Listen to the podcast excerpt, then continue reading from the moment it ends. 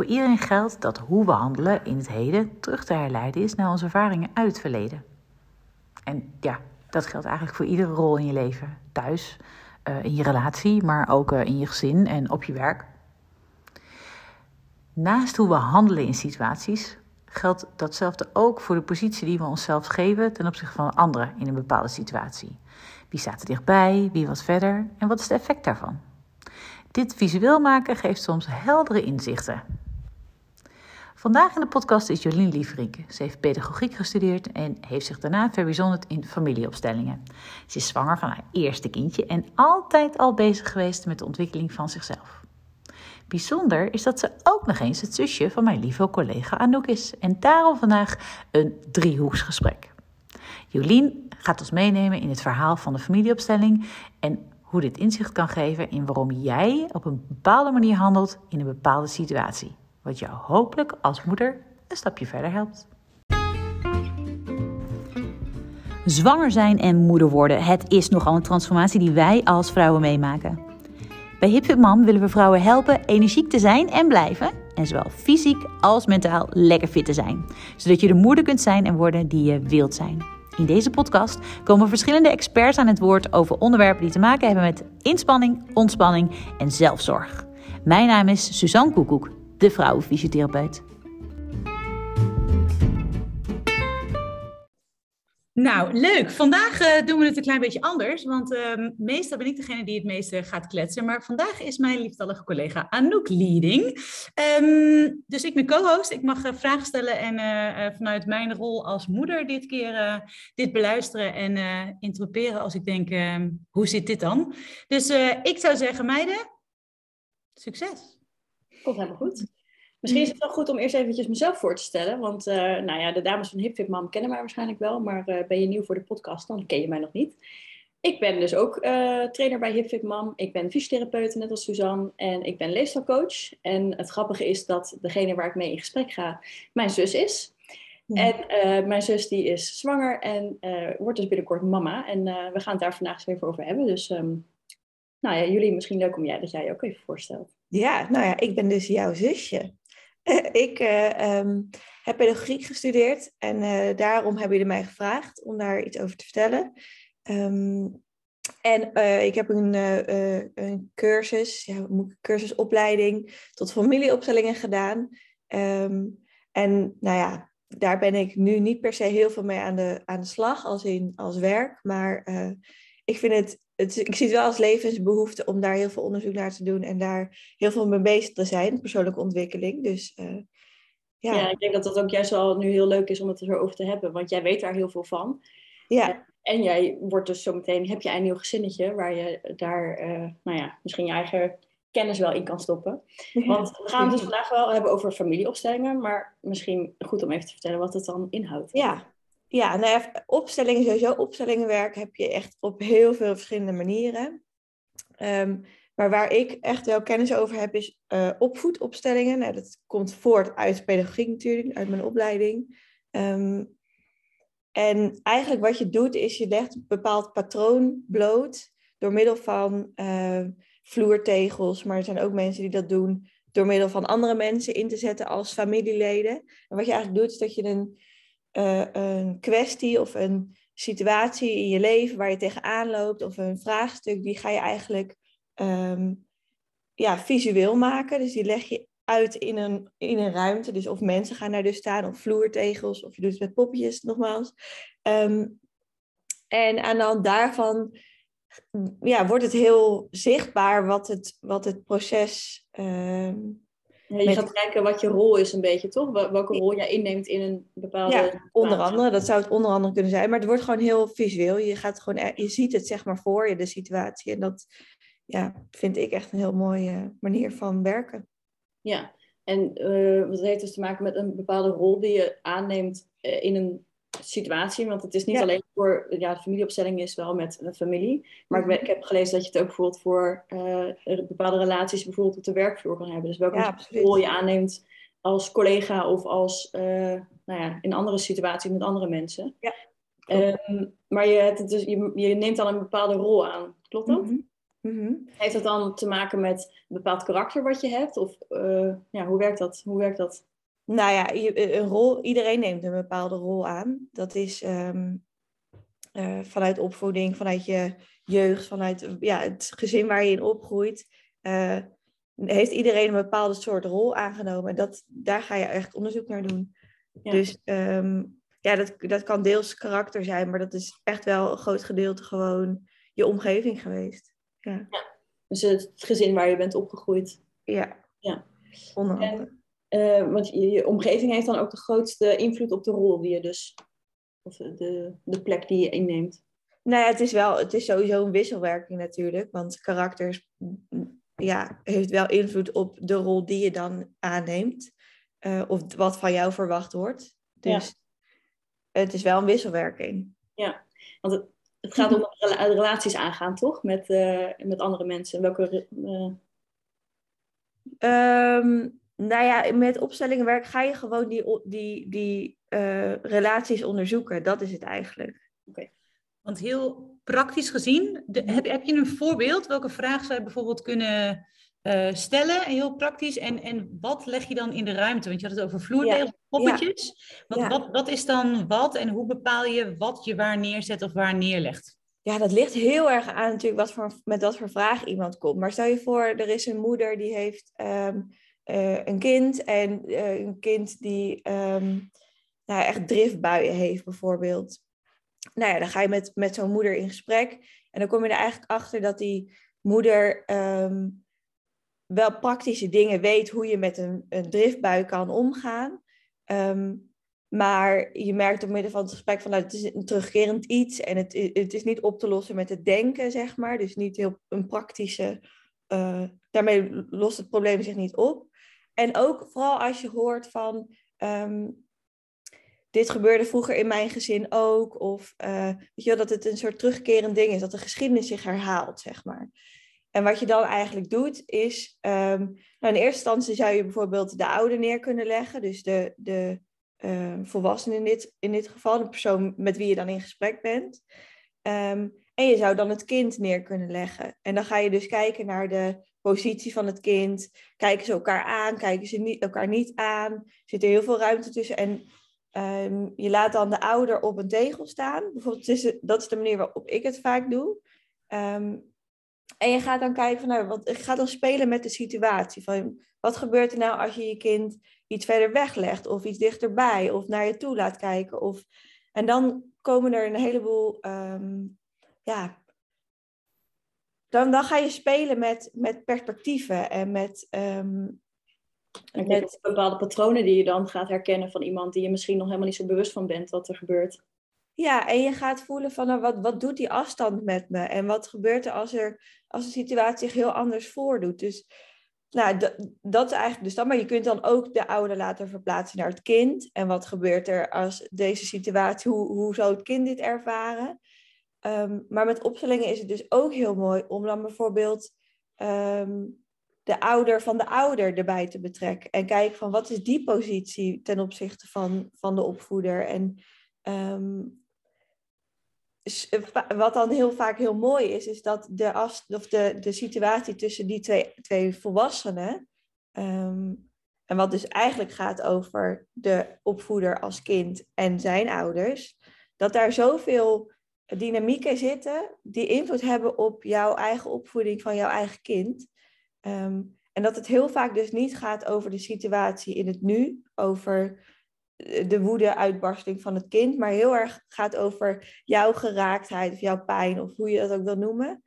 Ehm, en dat, dat soort dingen maak je dan dus heel zichtbaar. Ja, en een beetje ook van bepaalde eh, verschillende kanten eigenlijk de situatie bekijken. Om te kijken van hoe je er beter dan mee om kan gaan. Ja, bijvoorbeeld, kijk, een, een kind met een driftbui. eh, misschien voel je als ouder heel erg dat je ehm, nabijheid wil, wil creëren of zo. Maar dat kan ook heel verstikkend werken voor een kind als, het op een, als de intentie niet zuiver is, bijvoorbeeld. Omdat die intentie niet zuiver kan zijn, omdat, je als, omdat jij als kind op een bepaalde manier eh, opgevoed bent daarin of ondersteund daarin. Zou het dan zo zijn, dus even als voorbeeld van inderdaad dat kind met zo'n driftbui, waarbij die Mhm. moeder juist dat kind heel erg, nou ja, een beetje misschien wel troost en heel heel dichtbij uh, die moeder dan wil, of bij, nou ja, bij elkaar wil zijn. Mhm. Kan het dan zo zijn dat je als ouder dan eh, juist dat andere, juist het tegenovergestelde hebt gevoeld? Dat je dat een soort van aan het overcompenseren bent? Ja, zeker. Dat zou, ja, de, de, de uitkomst daarvan is natuurlijk voor iedereen anders, maar dat zijn inderdaad zeker. eh, je doet het vaak of hetzelfde als je ouders, of precies het tegenovergestelde. Maar de kern gaat eigenlijk over hetzelfde. Ja, want het gaat dus ook niet per se om dat je bepaalde dingen helemaal gaat veranderen of zo. Of dat je, Nee. het gaat meer om dat je bewust wordt van bepaalde patronen die jij misschien ook als kind zo hebt eh, ervaren. En dat zijn dan waarschijnlijk natuurlijk dingen die je onbewust als kind, denk ik, dat je Ja. er niet heel bewust mee bezig bent. Ja, ja, ja, precies. Ze noemen dat ook wel eens dat je, dat je die stukken, die kindpijnen gaat helen, zeg maar. Ja, Voor ja, jezelf. over trauma, geloof ik. Trauma, ja, zo noemen ze dat Dat ook is wel. een heel, heel heftig woord altijd, maar dat Ja. hoeft niet zo... eh, het hoeft niet te zijn dat je een trauma hebt meegemaakt als kind, maar dat is wel iets wat je dan hebt gemist in je opvoeding, zeg ik dat zo goed? Ja, nou ja, als kind, je kunt er, een kind ervaart emoties natuurlijk super intens. Ja. En het is echt wel, jouw ouders ehm, dichtbij houden is eigenlijk van levensbelang. Dus ehm, ja, dat moet, je moet er wel voor zorgen dat je eh, bewust bent van dat ook al is het iets heel kleins, wat je als kind hebt ervaren, dat dat gewoon echt iets heel groots kan zijn. En dat dat echt wel een trauma, ja, een trauma kan zijn. Ja. We zijn heel vaak geneigd om eh, te denken dat trauma iets is als je echt fysiek mishandeld bent. Of, of, maar dat, dat hoeft helemaal niet zo te zijn. Nee. En het hoeft dan ook niet zo te zijn dat dat, eh, dat jij, stel dat je een gemis hebt ervaren, dat dat dan ook zo hoeft te zijn. Maar dat is toch de opvatting die je als persoon dan hebt gehad. Ja, precies. Eh, We hadden het er laatst natuurlijk al eventjes een beetje over van, eh, het gaat om een bepaalde, ja, hoe jij het ervaart. Wij hebben natuurlijk hetzelfde, we zijn in hetzelfde gezin opgegroeid. Mhm. En hebben, nou ja, allebei dezelfde opvoeding een soort van gehad. Maar het kan wel zijn dat we natuurlijk hele andere ervaringen daaruit hebben gehaald. Ja, zeker. Zeker weten. Eh, Suzanne, heb jij dat misschien eh, eh, met jou, het opvoeding van jouw kinderen zo bewust gedaan? Nou, het is ehm, meer dat, dat voorbeeld wat we net aanhaalden is wel, is wel typerend. Want ik hoorde er laatst ook iets anders over. Dat als je het hebt over, ehm, over wat je hebt meegekregen. Dat een, een kind heeft een raampje eigenlijk. En alle emoties die binnen dat raampje passen, dat kan die zelf reguleren. Maar als de emoties of wat dan ook te groot worden en het buiten dat raampje komt, dan heeft het kind begeleiding nodig om weer terug in dat raampje te komen. Ehm, maar als je vroeger nooit hebt geleerd dat die gevoelens buiten dat raampje er mogen zijn, eh, dan, dan weet je als jij vervolgens ouder wordt ook niet goed hoe je dat wat buiten dat raampje valt bij je kind weer binnen dat raampje moet Ja. krijgen. Ehm, dus eh, ik ben me wel bewust dat, ehm, dat gevoelens er mogen zijn, hoe irritant ik ze soms ook vind. Nou heb ik eigenlijk gelukkig nooit een krijsende eh, peuter op de vloer van de Albert Heijn meegemaakt. Dus dat is me bespaard gebleven. Ehm, maar het is wel zo dat ik als moeder loop je zo vaak tegen die emoties aan die ik echt heel lastig vind om eh, eh, te reguleren. En de grap is dat ik met de jongens gaat het eigenlijk wel goed, maar er zit ook een dame tussen. En die heeft wat meer power en eh, die gaat er wat harder doorheen. Dus die stelt mij wel echt continu op de, op de proef. En dan moet ik wel continu aan het raampje denken van... oké, ehm, is dit nou mijn raampje of is dit haar raampje, zeg maar, waar Ja. het probleem zit? Ehm, maar dat vind ik, als je mij in, in een familieopstelling zou neerzetten... ik zit er ook wel eens over na te denken... wie zou ik dan waar neerzetten? Wat zijn de afstanden? En ik denk dat bij ons alles heel erg op elkaar zit, letterlijk. Ehm, maar ja, ik, ik, ik ben me wel bewust van, ehm, maar dat heeft dan misschien inderdaad meer te maken met eh, gevoelens die je eigenlijk die niet bij je worden opgeroepen door het ene kind, maar wel bijvoorbeeld door het andere kind. Ja. Ja. Dus ik denk ook dat dat een bepaalde, eh, wat ik zeg, hè, jullie en ik hebben natuurlijk ook, eh, eh, we zijn in hetzelfde gezin opgegroeid, maar wel heel, misschien heel anders ervaren Ja. achteraf gezien. Ja. En ik denk, ja, misschien is het zou het dan zo zijn, dat is misschien heel makkelijk gedacht vanaf mijn kant. Ik heb daar natuurlijk helemaal geen eh, verstand van, maar dat dan eh, eh, jouw dochter meer op, qua karakter dan meer trek heeft van jou, zeg maar, als Ja. Dat jij- zeker. Zeker. Zeker. Ja, nou ja, precies. Maar dat het daardoor moeilijker is om ermee om te gaan, omdat je misschien als kind in zo'nzelfde soort situatie dan hebt gezeten? Of is dat dan heel makkelijk gedacht van mij? Ja, en is, ja, ik, heb, ik heb één grote zus. En ehm, ja, wij waren qua karakter wel heel anders. Zij was veel relaxter en ik was veel meer. En zij dacht ook na voordat ze iets deed. En ik was en ben nog steeds. ehm, ja, dat wat ik bedenk, dat ga ik doen. En dat heeft mijn dochter inderdaad ook. Ehm, dus, dus daarin zitten we sneller een leveltje hoger in, eh, in emotie allebei. Ehm, maar teruggevoerd inderdaad op, op mijn eh, situatie thuis. Ja, de, eh, zij zocht wel meer de grenzen op en ik was eigenlijk meer de pleaser. Ja, dat zijn wel echt dingen die, die Mhm. werken wel door, zeg maar. Ja. Ja. ja, dat is wel grappig, want dat is een beetje ook dezelfde rol die jullie en ik eh, eh, onszelf hebben nou ja, betiteld, om het zo maar te noemen.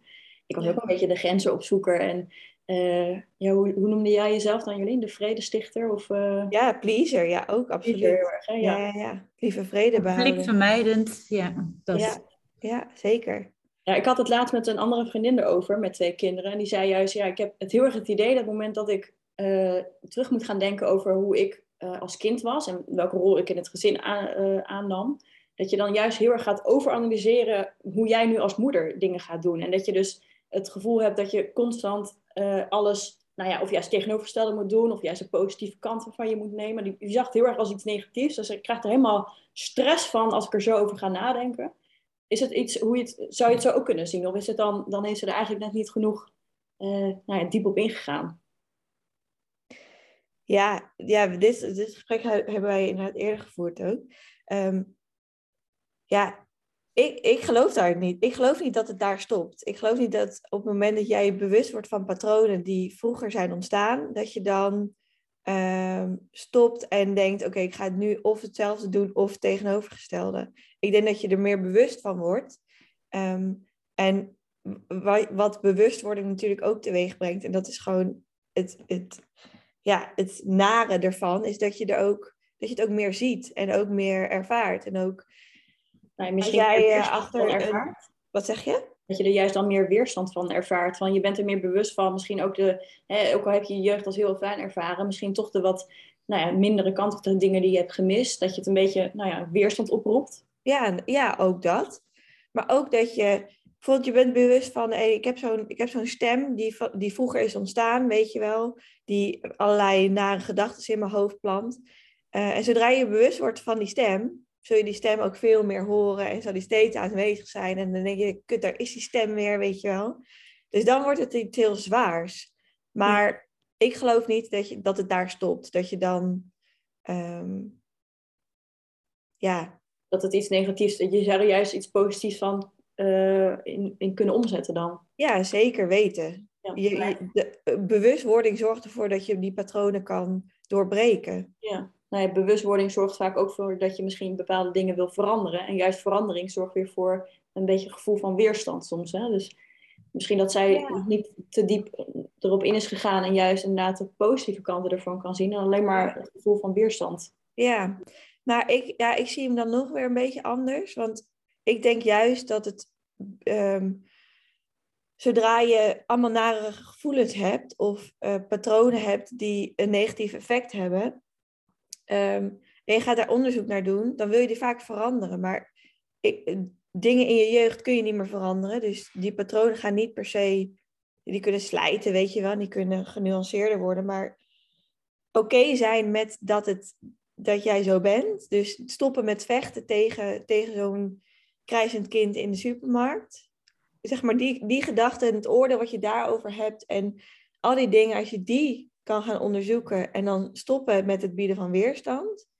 Dit, daar zit voor mijn gevoel geluk en ontspannen opvoeden. En daar dus ook de meeste winst in wat betreft zo'n eh, familieopstelling. Ja, maar daarbij wil ik wel zeggen, op het moment dat jij in een, weet je wel, op een punt bent in je leven dat je gewoon oké voelt en niet per se de behoefte hebt om onderzoek te doen naar jezelf, dan snap ik wel dat je in het standpunt kunt geloven dat eh, dan gaan graven en allerlei nare dingen op, dat dat, dat, dat weerstand met Ja. zich meebrengt. Dat snap ik absoluut. Maar ik denk voor heel veel mensen komt er een punt dat je wel met jezelf aan de slag moet of wil. Dat je eigenlijk geen keuze hebt daarin.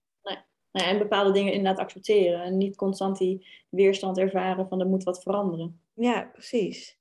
Nou ja, nu jij zelf dan bijna moeder wordt, Mhm. heb je waarschijnlijk ook al wel een beetje nagedacht over welke rol jij als moeder dan wil Ja. eh, aannemen. En in hoeverre is dat dan planbaar? In hoeverre kan je dat van tevoren bedenken?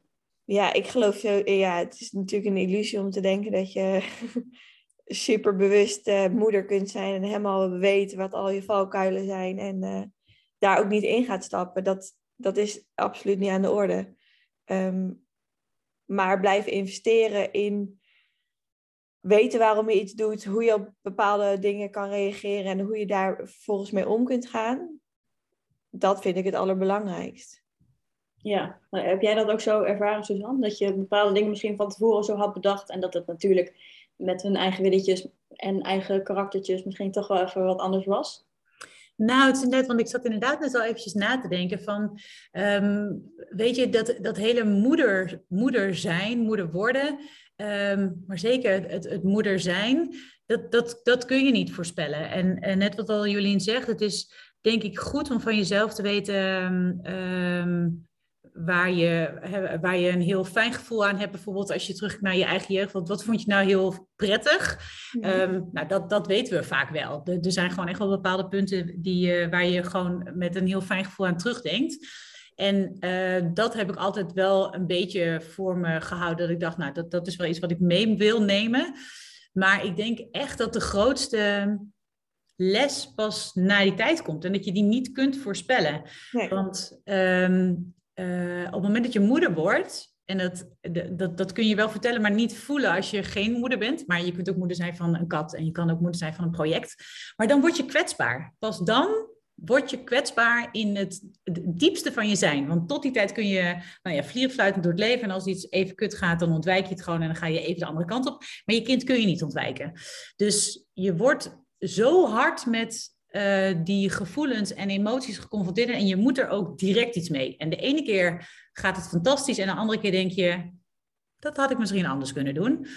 Ehm, maar dus ik denk in die zin, die patronen, dat die pas aan de oppervlakte komen op het moment dat die kinderen er zijn en als ze ook aan het opgroeien zijn. Ehm, ook al wel in de eerste weken hoor, want dan, dan krijg je te maken met wat, wat doe je met een murmeltje waar je geen totale controle over hebt en wat, wat huilt terwijl je net hebt gevoed, net een luier hebt verschoond. Dat je eigenlijk alle dingen hebt kunnen afvinken waarvan je dacht, nou dit, dit kan het dan niet meer zijn. En, en dan, als hij dan nog steeds huilt eh, en je bent de wanhoop erbij, want je bent doodmoe, wat doe je dan? En ehm, ja, dat zijn dingen die kun je van tevoren bedenken, maar dan ja, je toch kan het eigenlijk niet bedenken. Nee. Nee. Heb je dan eh, in jouw moederschap heel bewust dat je zegt, hm, dit was dan niet zo handig hoe ik dit heb aangepakt, dan wel een soort van, ja, ik weet niet hoe dat, of dat dan zo per se werkt, maar een plan bedacht, oké, als ik dit, deze situatie nog een keertje voorkomt, dan zorg ik dat ik nou ja, op een andere manier ermee omga of eh, reageer ik op een andere, andere manier. Of, Ja, ik denk, maar ik denk wel dat dat dingen zijn ehm, die mij soms van buitenaf, en dan bedoel ik manlief, eh, worden ingefluisterd. Goh, misschien moet je dit even anders doen, want het is echt niet tof hoe je dit doet. En ehm, eh, soms wordt er dan gezegd ehm, eh, bij een andere situatie, ja, nu doe je datgene wat je misschien ook niet leuk vond hoe jouw ouders dat deden of zo. Hè? Ik noem maar iets. En dat is eigenlijk het stomste wat je wil horen. Want je wilt nooit horen dat je iets verkeerd doet, want zo doet je moeder het ook. Dat, dat, dat wil je niet. Alleen, ja, dan kom je weer terug op het verhaal wat Jolien ook vertelde. Je hebt een bepaald voorbeeld en je hebt een bepaalde manier waarop er altijd werd gereageerd. En dat is ook de manier waarop jij eh, vanuit je basis eh, reageert. En ehm, dat, daar ben je je vaak dus niet bewust van. Daar moet iemand anders jou bewust van maken. Of je moet zo snoeihard tegen de lamp aanlopen dat dat, nou ja, dat, dat dan je bewustwordingsmoment is. Ehm, maar nee, ik heb het inderdaad, ehm, ja, maar met name nu ze groter worden, dat ik daar denk ik tegenaan loop. Maar we hebben ook wel gehad dat eh, met, met de eerste, zeg maar, nou, die is nu elf, maar eh, toen hebben we, hebben we de hulp van eh, de wijkverpleger eh, gehad. Want die, ik was echt wanhoop nabij. Ik zat er als een soort entertainmentprogramma naast en ik was echt totaal, zeg maar, mezelf kwijt. Maar dat kwam vanuit het idee dat ik er gewoon altijd, gewoon, hè, gewoon, dat ik er altijd moest zijn voor mijn kind. En als er een kick kwam, dat, dat ik er moest zijn. Ja, dat, dat idee kwam natuurlijk ergens vandaan. Ehm, maar ook daarbij weer is het dan heel prettig dat er iemand anders is die zegt, eh liever tot hier en niet verder. We gaan nu kijken waar dit vandaan komt of hoe dit gebeurt. Ja. Ehm, Nou, het is ook wel een mooi bruggetje, denk ik. Want je bent natuurlijk, je hebt zelf uh, kom je uit een bepaald gezin. Maar als goed is ga je samen met iemand anders uit een ander gezin een nieuw gezin vormen. Ja, dus er, er speelt ook iemand anders mee die ook een bepaalde, uh, nou ja, een bepaalde rol heeft aangenomen, bepaalde patronen heeft, bepaalde inzichten heeft. Nou ja, en met z'n tweeën uh, maak je natuurlijk weer een hele andere familieopstelling eigenlijk dan. Ja. Wat heb jij met jouw partner Jolien over gehad? Mm nou ja, natuurlijk het aankomende ouderschap. Hebben jullie er bepaalde gesprek over gehad? Hoe je dat ja, zeker. Maar heel veel praktische zaken. Van hoe gingen jouw ouders hiermee om? Of uh, weet je wat, wat vond jij inderdaad ook die dingen, wat vond jij nou zo heel leuk aan je jeugd? En wat zou jij ons kind willen meegeven? Dus daar hebben we zeker wel gesprekken over. Maar ja, daarbij komt ook nog weer, en dat wou ik net ook zeggen, maar um, je relatie is ook een spiegel. Dus daarin zit ook weer een heleboel dynamieken die invloed hebben op uh, op de opvoeding. Dus nog weer, nog weer los van, van hoe je bent opgevoed. Ja. Daar zit ook weer zoveel. Ja. Dus um, ja, het is een hele uh, ja, verzameling van allerlei, allerlei aspecten die, die het heel ingewikkeld en heel diepgaand kunnen maken. Ja. ja, ik denk ook dat je inderdaad van tevoren misschien een heel leuk plan hebt, maar uiteindelijk uh, ja, ja, bedenkt dat je, dat je een mengeling van jullie karakters jullie kind gaat zijn. Ja. Maar dat het misschien juist ook helemaal dat niet hoeft te zijn. En dat het, hè, bepaalde plannen die je hebt gemaakt eigenlijk helemaal niet ja. passen bij het nieuwe gezinslid. Ja, ja zeker. En nou, waar we het net ook over hadden, van dat je bij het ene kind um, meer strijd ervaart dan bij het andere kind. Maar dat zul je ook hebben met, met wildvreemden. Ja. En dat, dat zit hem altijd in dingetjes van wat spiegelt iemand in jou? Is dat, uh, ja, als je je geïrriteerd voelt door iemand, dan is dat eigenlijk een soort van ja, wond die gewoon geraakt wordt van jou. En ja, interessant, ja. Als jouw kind heel erg op jou lijkt, dan vind ik het heel logisch dat dat, dat, dat ja, die kindpijnen omhoog haalt. Of die, ja. weet je wel, hoe je het ook wil noemen. Ik heb ook wel eens gelezen net als jij ergens op iemand, uh, nou ja, je irriteert bijvoorbeeld aan iets, dat het eigenlijk stiekem een soort van verkatte jaloezie is van een kwaliteit die jij dan zou missen, bijvoorbeeld. Ja. Dus, uh, nou ja, dat is dan wel ook in zo'n familie iets natuurlijk. Als jij ergens aan irriteert van iemand doet het op een bepaalde manier, dan is dat meestal omdat je zelf daar, nou ja, toch dat ook zo ja. zou doen, bijvoorbeeld. Ja.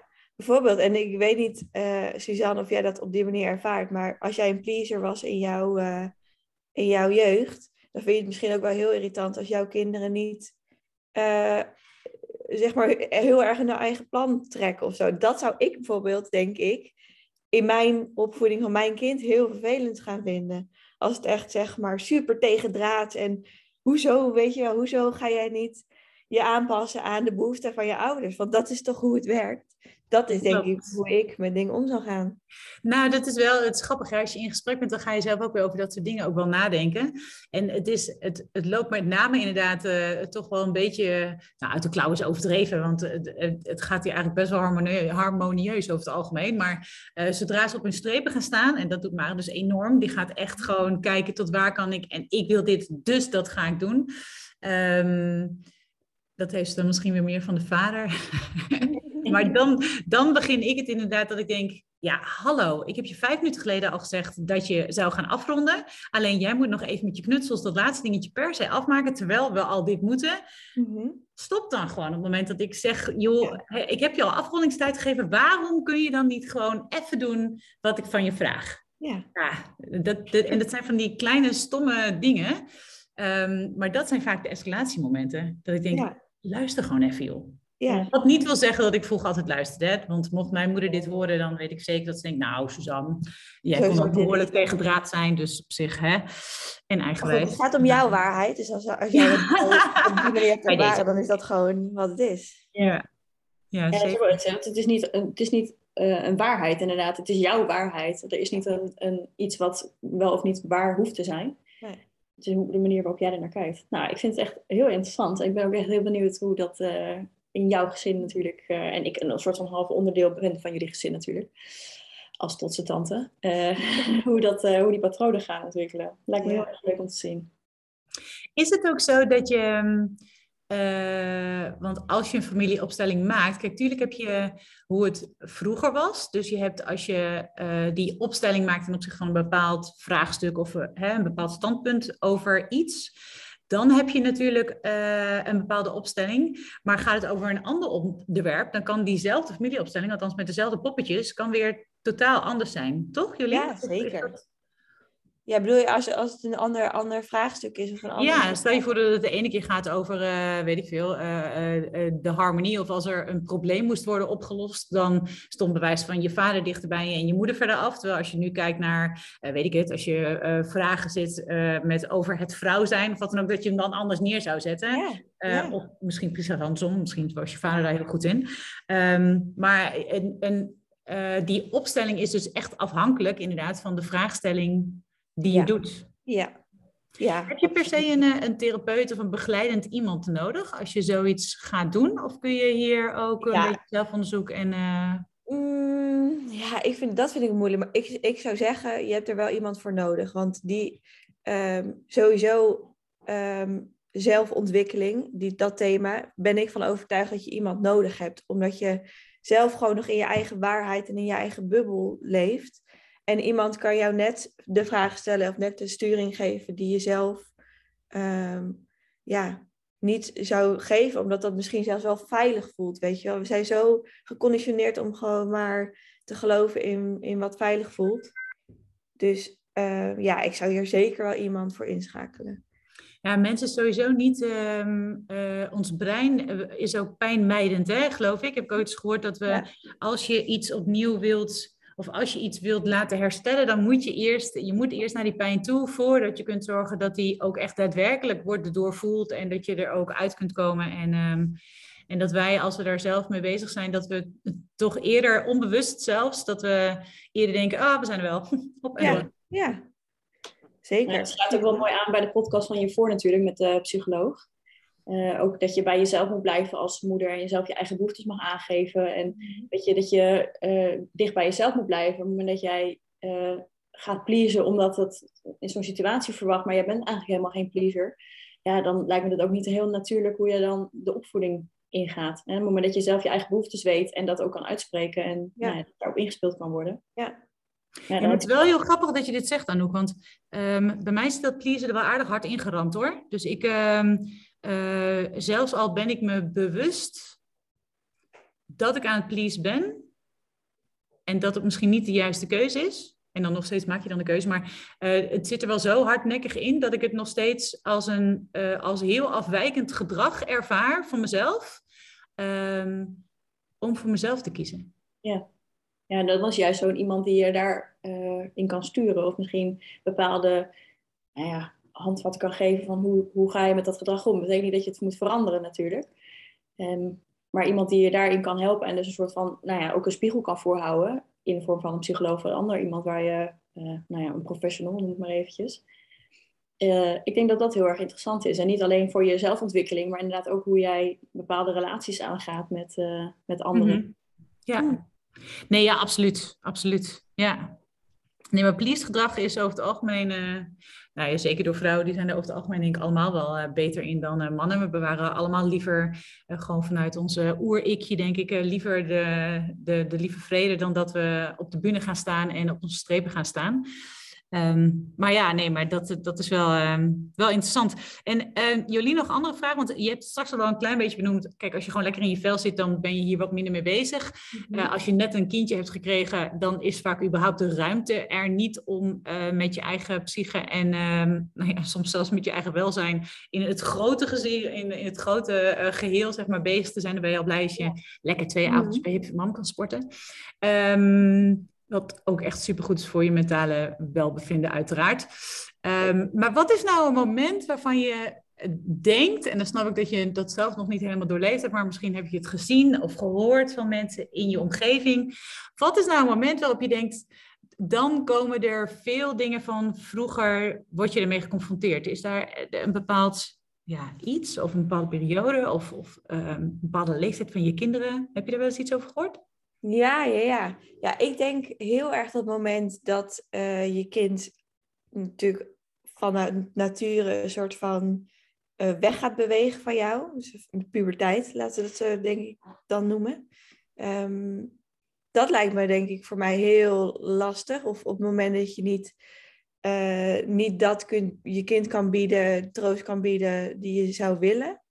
Ehm, omdat het gewoon heel verdrietig is en jij dat niet weg kunt nemen. Of, of dat het pijn heeft die jij niet weg kunt nemen. Zoiets.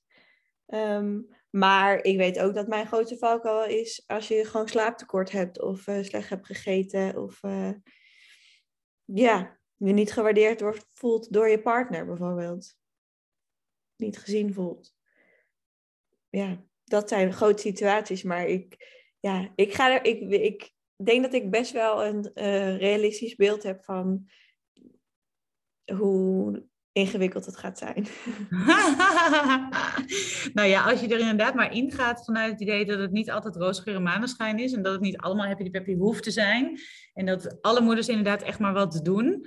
Um, maar dat je inderdaad, wat jij ook al zei, dat je gewoon wel blijft reflecteren en blijft probeert de uitdaging met jezelf aan te gaan van waarom, waarom reageer ik eigenlijk zo? En het hoeft niet meteen groot en meeslepend te zijn, maar een stukje bewustwording dat je überhaupt al op een bepaalde manier reageert en dat dat patroon er dus klaarblijkelijk is. Ja.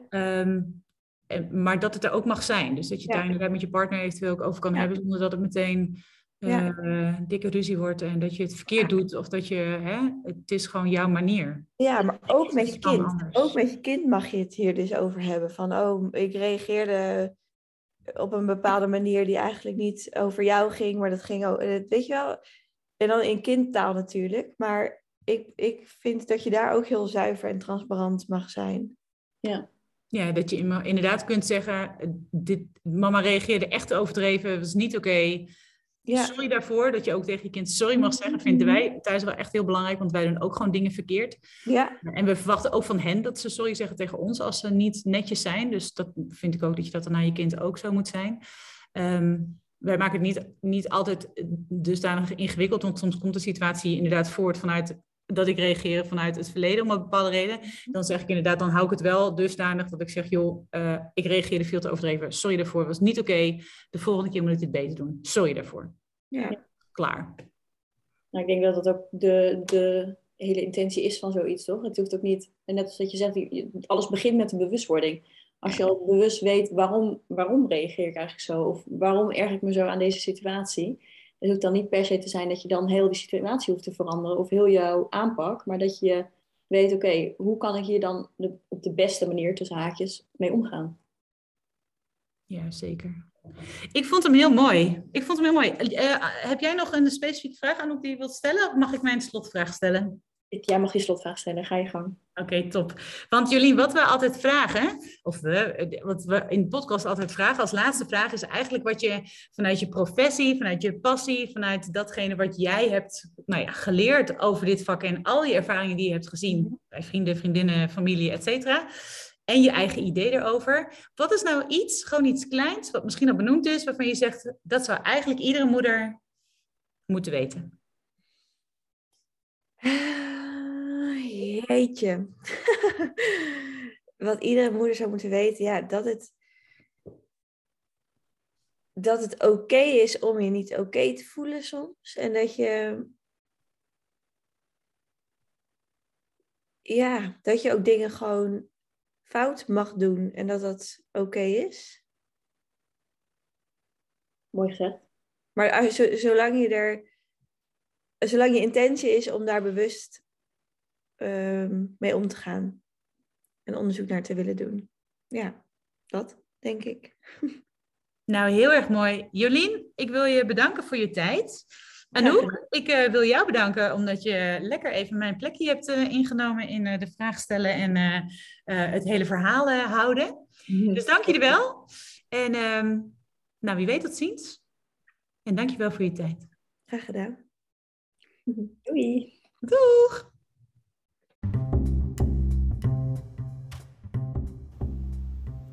Ik hoop dat je vragen zijn beantwoord. Mocht je nou toch nog iets hebben, een tip, een advies of gewoon nog een hele goede vraag, laat het ons weten. Je kunt ons vinden op de socials en met name op Instagram. Maar je mag ook altijd even een bezoekje brengen aan de website waar alle informatie staat.